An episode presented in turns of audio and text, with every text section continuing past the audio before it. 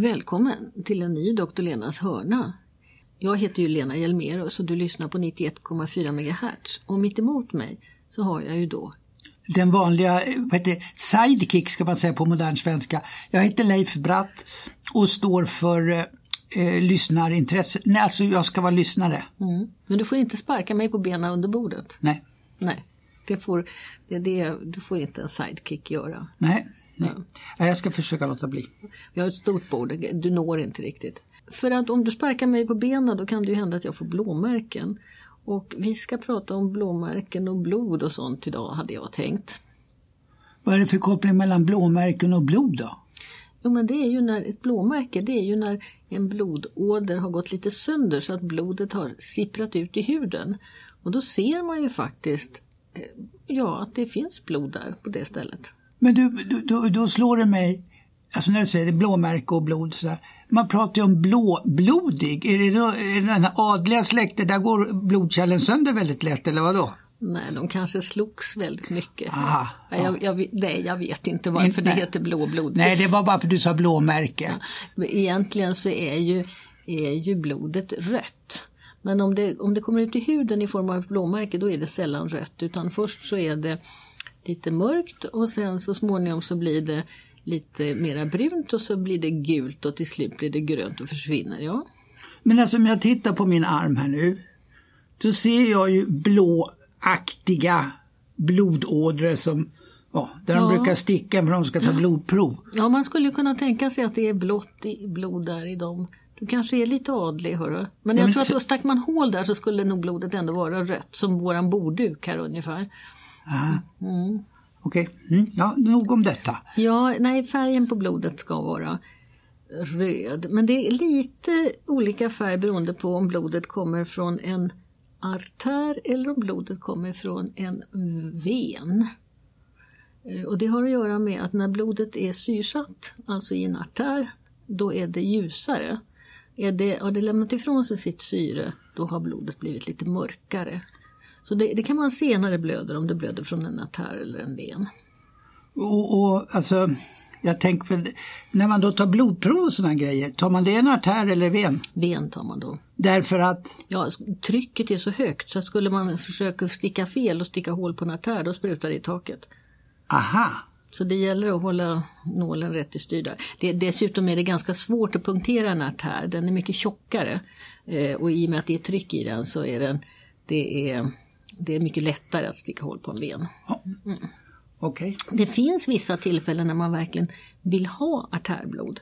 Och det är om man är, är lungsjuk och vill ha de exakta värdena på hur mycket syre som transporteras runt med blodet. Då ska man ta ett artärprov. Men du menar, då klarar man av det under man, när man gör det så att säga medvetet och, och, ja, och, och sådär? Och det görs ofta på sjukhuset, mera sällan på vårdcentralen. Ja. Mm. Okej. Okay. Mm. Men du, förlåt, nu avbryter jag dig hela tiden. Men när du säger, jag brukar få en sån här liten klämma på fingret och så säger du har 97 procent eller är lågt 94 eller 90 eller sådär. Mm. De sticker ju inte hål, de Nej. har någon, det, någon klämma som Ja, de... då mäter man eh, med en speciell teknik hur blodkropparna rusar igenom. Och då kan man också, det är en, det är en fin liten apparat som kan då räkna ut hur mycket syre som det finns. De där apparaterna är ganska exakta. Men, ja. men inte Nej, jag bara menar då slipper man ju sticka hål på ja, en artär. Ja, de är inte riktigt lika exakta som ett artärprov men, men de, är, de är bra ändå. Och ja. de, de, finns ju i alla ambulanser och när jag jobbar så har jag en sån där i fickan också alltid. Mm. Mm. Mm. Ja, ja, det här med blod, det har ju alltid varit lite spännande. Eh, det är ju ett synligt tecken på att, att man förlorar någonting om man får hål. Och små barn brukar vara, tycka att det är jätteläskigt när man får ett litet sår och det börjar blöda. Ja, jag har barnbarn som reagerar så. Mm, mm. Och det är nog ganska instinktivt tror jag, vi blir lite rädda när vi blöder. Både om vi blöder näsblod och om vi blöder ja, tappar, barnen tappar en tand eller man slår sig eller något sånt. Det är ju för att skydda eh, skyddsmekanismer vi ska vara rädda om vi blöder. Mm. Ja. Stort varningstecken om man börjar upptäcka att det rinner blod någonstans. Får jag vara lite så här, jag, det, jag tycker att det är ett viktigt ämne men det kan kanske vara lite känsligt för vissa öron. eh, så lite förvarning då, när du säger då eh, förlora blod, eh, kvinnans menstruation. Mm. Det är någonting man, fast det är det mest naturliga mest naturliga som finns så är det ju ändå någonting som är i skämrummet eller eh, Och det är många tjejer som skäms mycket för det. Och det är ju så att i, till och med i, i vissa länder i Afrika så slutar flickorna gå i skolan när de börjar menstruera för de klarar inte av att hantera det här. Så det är ju ett stort problem. Men jag har också, alltså, kvinnan betraktas som oren när hon menstruerar. Ja, I vissa kulturer. ja, ja, och det är ju en gammal, det finns både i Gamla Testamentet och i, i andra religioner. Så att det där sitter ju djupt i på något vis när männen bestämde att det skulle vara något fult med det. Man brukar inte prata om att man blöder lika mycket när man föder barn men då forsar ju blodet också så att det, ja. Ja. Ja, det är knepigt det där eh, med, apropå blod och hur, ja, vanföreställningar som har kopplats till det under historiens gång. Och med religionens hjälp. Och ibland så finns det ju också, om man ska fördjupa sig i det här med konsthistoria och kultur, det finns ju också någon slags eh, romantisering kring, kring blodet. Hur, hur eh, lidandet på något vis blir glorifierat. Och sen ska man ju inte heller glömma bort att i många, många, många hundra år så var ju nästan det det enda sätt vi hade för att försöka bota sjukdomar. Det var ju att tappa ur blod ur folk. Åderlåtning. Ja, men jag tror vi har pratat om blodiglar någon gång förut. Och, ja, och åderlåtning, koppning och sånt där. Så att i och med att det är så synligt och det är så kopplat till vad som händer i kroppen och jag tror att alla vet att man måste ha blod i sig. Ja. Ja, annars så överlever man inte. Vet du hur mycket blod man har i sig då? Jag tror att jag har hört en siffra på 4-5 liter. Ja, sex kanske om du, det beror på lite hur stor man är. Ja. Jag har väl lite mindre än dig kanske, jag är lite mindre, kortare. Ja. Eh, Men ungefär, tänk dig en stor hink. Det är ungefär så mycket blod har du i kroppen. Och när man, om man är blodgivare och ger bort blod, då ger man bort ungefär 400 milliliter. Eh, Men det kan ju ändå kännas, det är en tiondel då. av Det är 4 deciliter. Alltså. Ja. Hur sk- skiljer man agnarna från vetet där då? Alltså bra blod, dåligt blod? Och det testas jättenoga. Innan man blir accepterad som blodgivare så får man gå igenom en massa test att, att man inte bär på någon smitta. Och sen ska ju blodet också kartläggas väldigt noga vad man har för blodgrupp. Alltså blod består av blodkroppar och blodplasma. Och blodplasman det är så att säga vätska men den innehåller ganska mycket äggviteämnen, näring. Eh, blodkropparna, det har vi lite olika sorter. Vi har röda blodkroppar och vita blodkroppar och något som kallas för blodplättar. Det tycker jag är ett lite knäppt ord, de heter trombocyter annars men nu kallas de för blodplättar på svenska, då får de väl heta det då. Och de här kan man ju titta på i mikroskop och så kan man räkna hur många det finns och så finns det vissa bestämda regler för hur många av varje sort det ska finnas. Men i, den här, i de här vävnaderna, i cellerna, både plasman och i blodkropparna, så finns det små kemiska ämnen som är en slags identitetsmarkörer, ungefär som en sån här streckkod på en vara, som visar att just den här tillhör mig och inte någon annan. Och de är så unika så att eh, ska man vara riktigt, riktigt eh, sträng så är det bara mitt eget blod som passar mig. Men sen kan man då gruppera de här i lite olika system och det tror jag de flesta känner till. Man kan, få en, man kan bli blodgrupperad och ha ett litet kort där det står vad man har för blodgrupp. Det här 0 plus och A och vad det ja. AB0 är ett system och så finns det ett som heter RH, där kan man vara plus eller minus. Så man kan alltså vara AB eller A plus eller B minus eller 0 minus. Då säger man ofta 0 negativ. Och det är bra att veta vad man har för blodgrupp. Ehm, det kan ju vara, man kan ju hamna i en situation där man antingen behöver ge blod eller ta emot blod. Och då kan det vara lite bra att ha ett hum om vad man själv är för någon. Men sen finns det en massa fler sådana här undergrupperingar. Jag hörde ett radioprogram på vår grannkanal, Sveriges Radio, där man pratade just om alla nya blodgrupper man har upptäckt. Och de, innan man får ge blod och innan man får ta emot blod så testas det mot en massa olika sådana här. Och har man vissa sjukdomar så testas det ännu noggrannare eh, för att verkligen det ska bli rätt. För får man fel blod då blir man jättesjuk. Får jag bara byta spår här lite grann? Alltså, du sa tidigare då att eh, blodets uppgift är att eh, transportera syre ut till de olika organen i kroppen så att de blir... Jag tror inte han säger det, men så är det. Ja. Ja, ja, ja, då- ja. Jag pratade om färgen på blodet. Jo, jag sa att det var syrsatt och inte syrsatt. Ja, och syret, ja. Har blodet några mer funktioner? Jag anar ju att det handlar om näringsämnen och sådana här saker. Eller? Ja. Hur får vi ut byggstenarna i kroppen? Ja, det är de röda blodkropparna som transporterar syret. Och eh, om, man, om man röker, då ställer man till det för sig lite därför att i, i röken ingår det då ämnen som bind, sätter sig på de platser där syremolekylen skulle sätta sig. Och inte nog med att de sätter sig på syrets plats, de sitter kvar längre. Så att en rökare får betydligt sämre förmåga att binda syre till sina blodkroppar. Och då brukar en rökares kropp kompensera det genom att bilda lite mer blod. Kroppen är ju, försöker hela tiden att rätta till saker och ting så att det blir balans. Och om man har, om man har lite problem med sin syresättning då får man ofta lite, lite mer blod i kroppen. Men du, då har ju vi kommit på världens kanondrogmedel till alla skidåkare och långdistanslöpare. Istället för höghöjdsträning så ger vi dem en limpa cigaretter.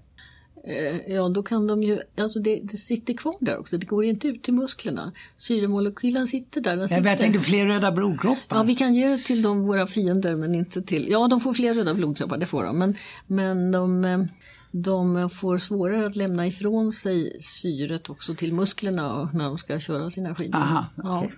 Ja, det, var, det var en bra tanke men... Ja. Ja. Ja. Sen det finns ju då de här vita blodkropparna och de är, jag höll på att säga, de är nästan viktigare men det är ju svårt att säga att det ena är viktigare än det andra. Men det är ju kroppens försvarssoldater. Det är de som ska försvara oss mot alla otäcka infektioner. Och eh, de ska kunna mobiliseras snabbt. Det kan ju gå på några sekunder om det är en, till exempel en akut allergisk reaktion. Och där finns det också en mängd olika sorters vita blodkroppar.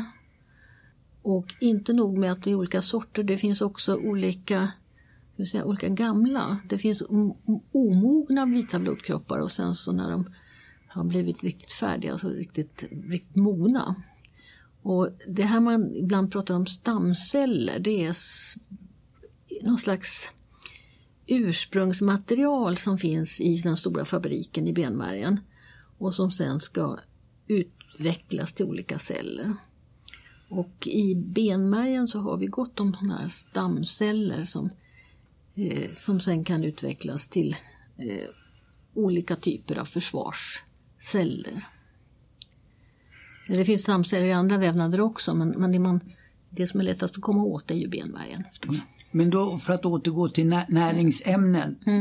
Då är det inte några blodkroppar som tar upp dem utan eh, det är tarmen, tarmsystemet som suger ut näringsämnena ur den mat vi äter. Ja, bryts ner i magen och så. ja, så. Och sen åker den bara med blodet. Det, Ja. Kan man säga så? kan man säga. Och så blodet lämnar, eller plasman åker det med. Och sen så lämnar, lämnar plasman ifrån sig det till exempel i leverfabriken som tillverkar vissa bygg, bygg, byggstenar. Och eh, benmärgen bildar ju också då en massa sådana här försvarsämnen. Ehm, Så blodet är ett transportsystem.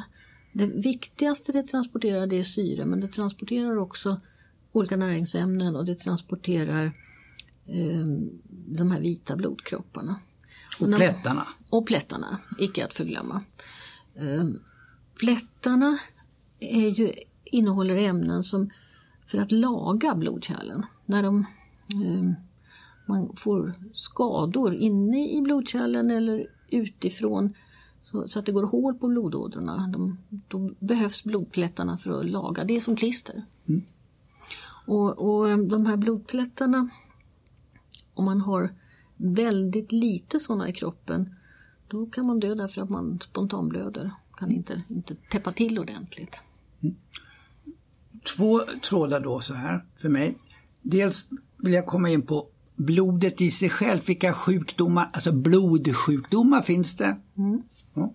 Och, och, men det andra är då också det här att blodet transporterar näringsämnena.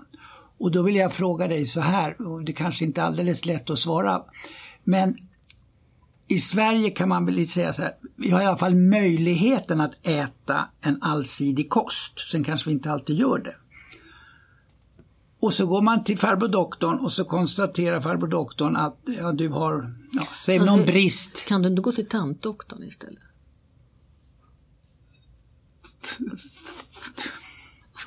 Då går jag till hen. Hen, tack så mycket. Går jag tack till hen. Ja, ja. Och så konstaterar hen att jag har en ja, säger, vitaminbrist av att flytta på någonting. Mm, mm. Om man nu äter allsidig kost i Sverige, får, borde man då inte få i sig tillräckligt med D-vitamin? Eller något annat ämne. Det jag är ute efter kan det inte vara så att man har något fel på tarmen så det spelar ingen roll hur mycket jag sätter i mig av det här ämnet som hemdoktorn mm. säger att eh, jag har brist på. Ja. Ska vi börja med det här med bristen då? Det är framförallt olika vitaminbrister och sen är det järn. Och järnet är jätteviktigt för det deltar i att bilda blod. Har vi inte järn så kan vi inte bilda blod. Blöder vi så förlorar vi järn. Så järn är en sån här central substans. Och det är framförallt i de röda blodkropparna som det finns järn. Andra sådana här ämnen som eh, transporteras med blodet i plasman det är ju äggviteämnen, albumin, ett stort äggviteämne. Och albumin i sin tur fungerar lite som packåsna för det bär med sig andra ämnen. Det bär med sig olika mediciner till exempel.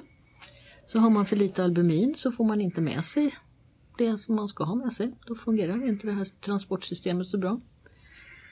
Uh, och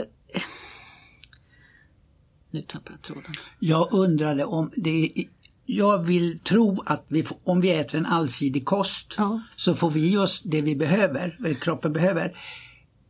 Har vi en brist, bristvara någonstans så kan det lika gärna bero på eh, tarmfunktionen inte är som den ska. Ja. Det är dit jag vill komma. Ja, ja, så är det när man tar ett blodprov då kan man ju mäta och se om, man, om det fattas olika ämnen i kroppen. Man kan mäta och se om det fattas saltämnen. Man kan också se om blodet transporterar bort soporna. För det, avfallsprodukterna ska ju också ut runt med, via blodet fast då ska det inte till levern utan då ska det till njurarna.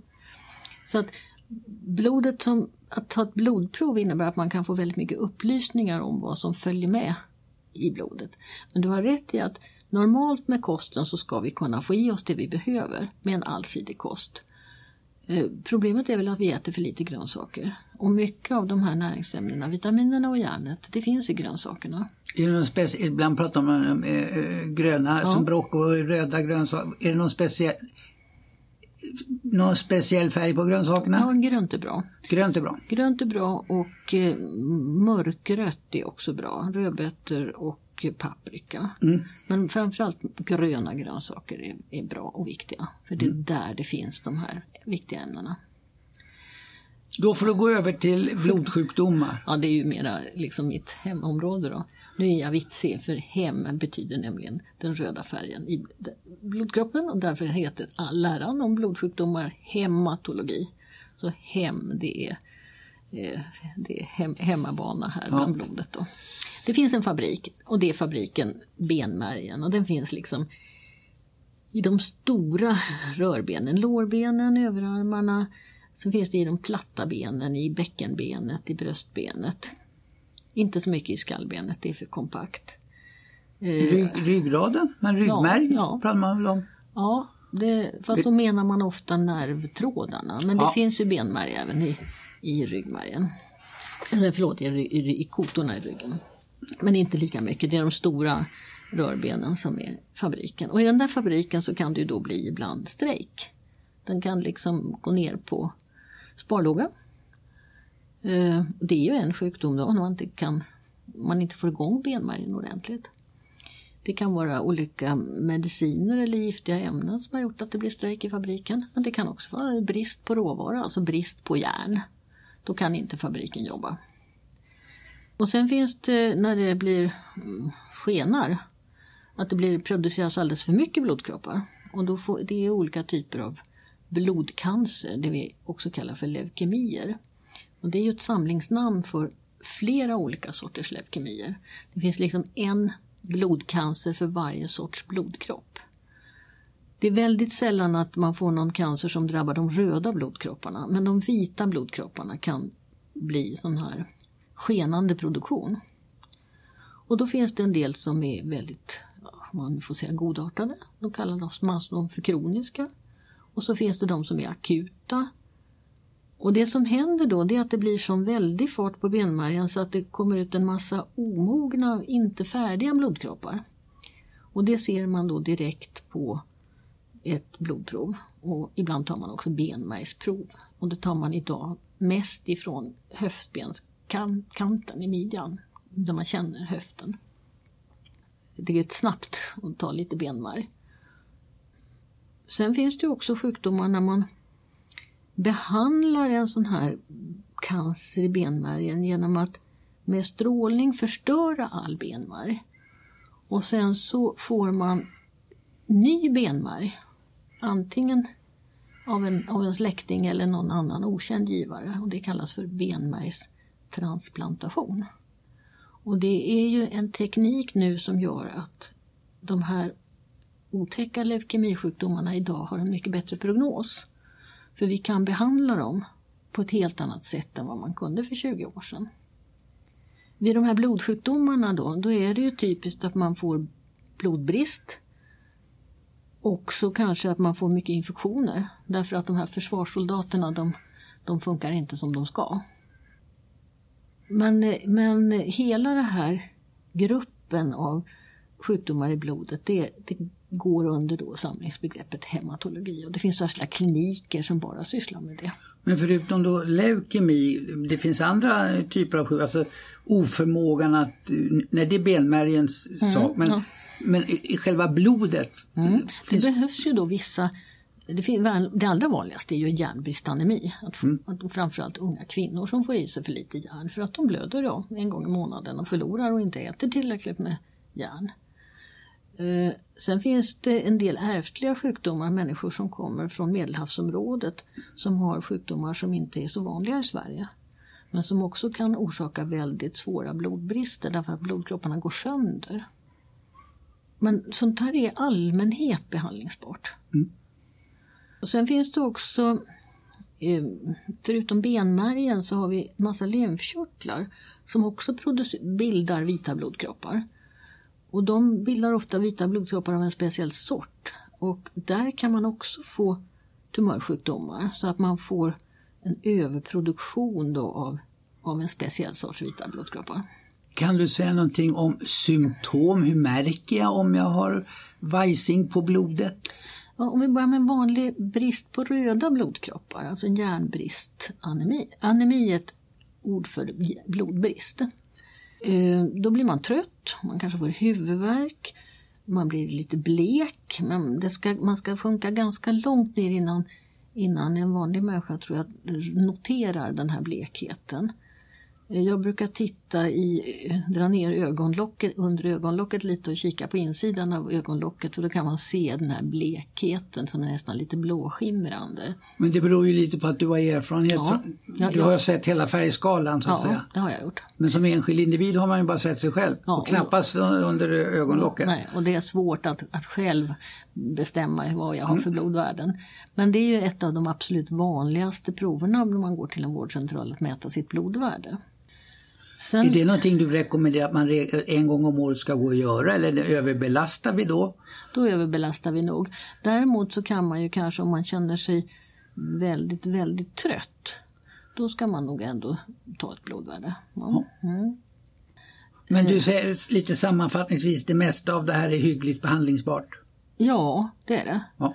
Eh, det, var, det är ganska vanliga tillstånd får man väl ändå säga. Sen kommer de här blodsjukdomarna när man har brist på vissa vitaminer som behövs för blodbildningen. Framförallt, vi pratade förra gången i programmet om magsår och pratade vi lite om ett vitamin som heter B12. Och B12, eh, har man brist på det så får man en ganska svår blodbrist. Och innan man kunde göra B12-tabletter, vet du vad behandlingen var då? Mm. Mosad rå lever Det är det. Lajbans, Ja. smaskens. De som lyckades pina i sig mosad rå lever, eh, de eh, kunde ju leva då. Men det var ju ingen trevlig behandling. Så att när man kunde göra konstgjort B12-vitamin då jublade världen. Och så blev det Nobelpris förstås. Mm. Men hör du, eh, dricka blod då? Ja, det gör man ju i vissa länder.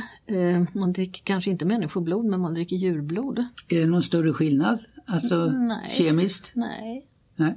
Och eh, det innehåller... Blodpudding käkar ju vi. Ja, ja, det innehåller ju mycket järn och det innehåller också näringsämnen. Viktiga näringsämnen. Sen kan man ju, ja alltså det är väl så att antingen gillar man blodpudding eller så gillar man inte blodpudding. Men man kommer ganska långt med en gjutjärnsstekpanna också. Där frigörs också lite järn.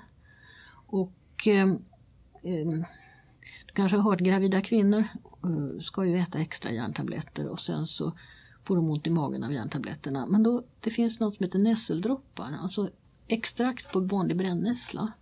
Det innehåller rätt mycket järn. Och det kan man förstärka effekten med att blanda de här nässeldropparna med lite citron. Och det är sådana där knep som man kan använda om man har jättesvårt och mår illa av järntabletterna.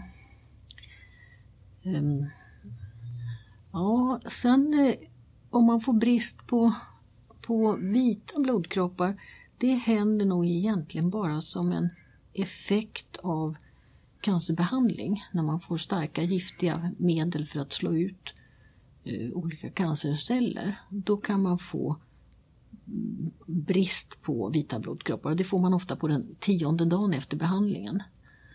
Eh, och det är, kan vara väldigt allvarliga tillstånd om man får väldigt låga värden för då får man nästan som ett brev på posten en blodförgiftning. Men det där vet sjukvården om. Så. Ja, och då kollar man kollar ju alltid de patienterna som får den typen av behandling så att man ser när börjar deras värden att sjunka. Ja. Men blod är spännande. Jo, men ja, just då, och, och alltså, just det som du var inne på. Eh, dels eh, ge då syre till alla organ som behöver det eh, och transportera bort slaggprodukterna.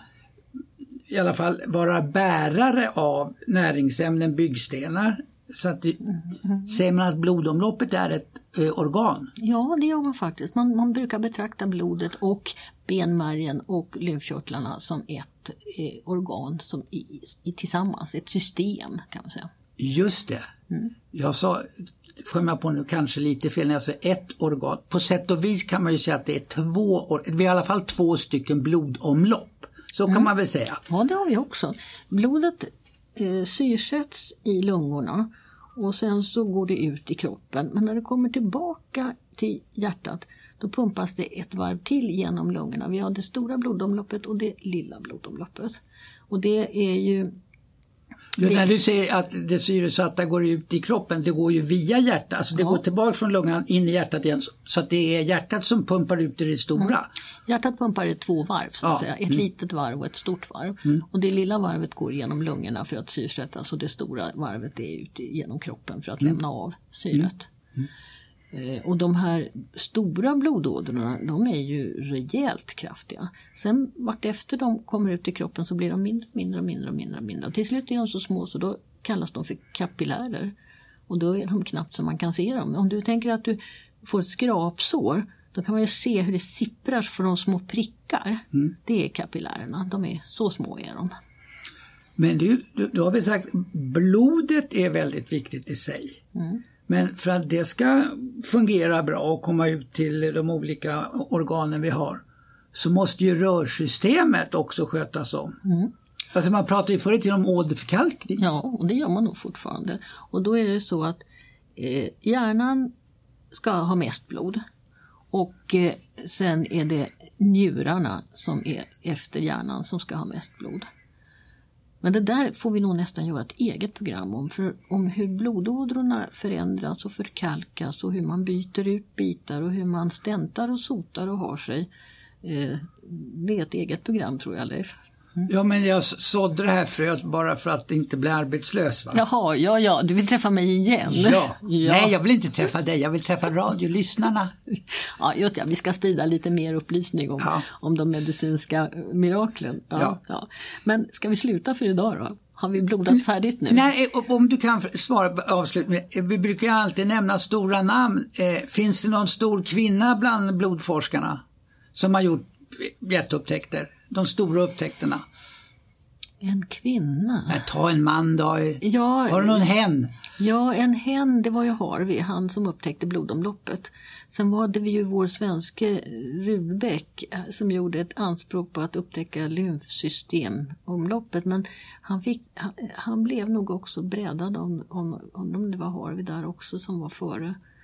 Sen finns det en som heter Osler i USA som var duktig på det här med blod. Han namngav en sjukdom som heter Oslers sjukdom när man får små blåa märken på läpparna. Ja. Nej, jag tänkte mest äras den som äras bör. Ja. därför jag... Nej, alltså på den tiden när man namngav sjukdomarna då stod ju kvinnorna, de fick ju inte vara läkare. Nej, så det, det är ont om kvinnor och eh, den här namngivnings... Ja. Eh, du reparerar skadan nu genom att ha doktor Lenas hörna. Och det, det, finns en kvinna i Sverige som var professor i, i det här med hur blod stelnar och alla koagulationsfaktorerna. Och bara för det så kommer jag inte ihåg hennes namn nu. Det får du ta till nästa program. Ja, hon är berömd. Ja. Mm. Mm. Nu får du avsluta om mm. du vill. Ja, då har ni lyssnat på doktor Lenas hörna Numret har jag inte tagit reda på men vi är uppe i ganska många hörnor nu. Ja. Och det här avsnittet har handlat om blodet och vi fortsätter eh, med eh, nya program. Mm. Och då skulle man kunna säga så här, som putslustigt, att snart är det så många hörnor vi har gjort, så sätter vi ihop dem så kan vi bilda en cirkel. Ja visst hörru, ja. doktor Lenas cirkel. Ja, studiecirkel. studiecirkel i, i blod. Ja, Tack för idag. Tack för idag säger jag också.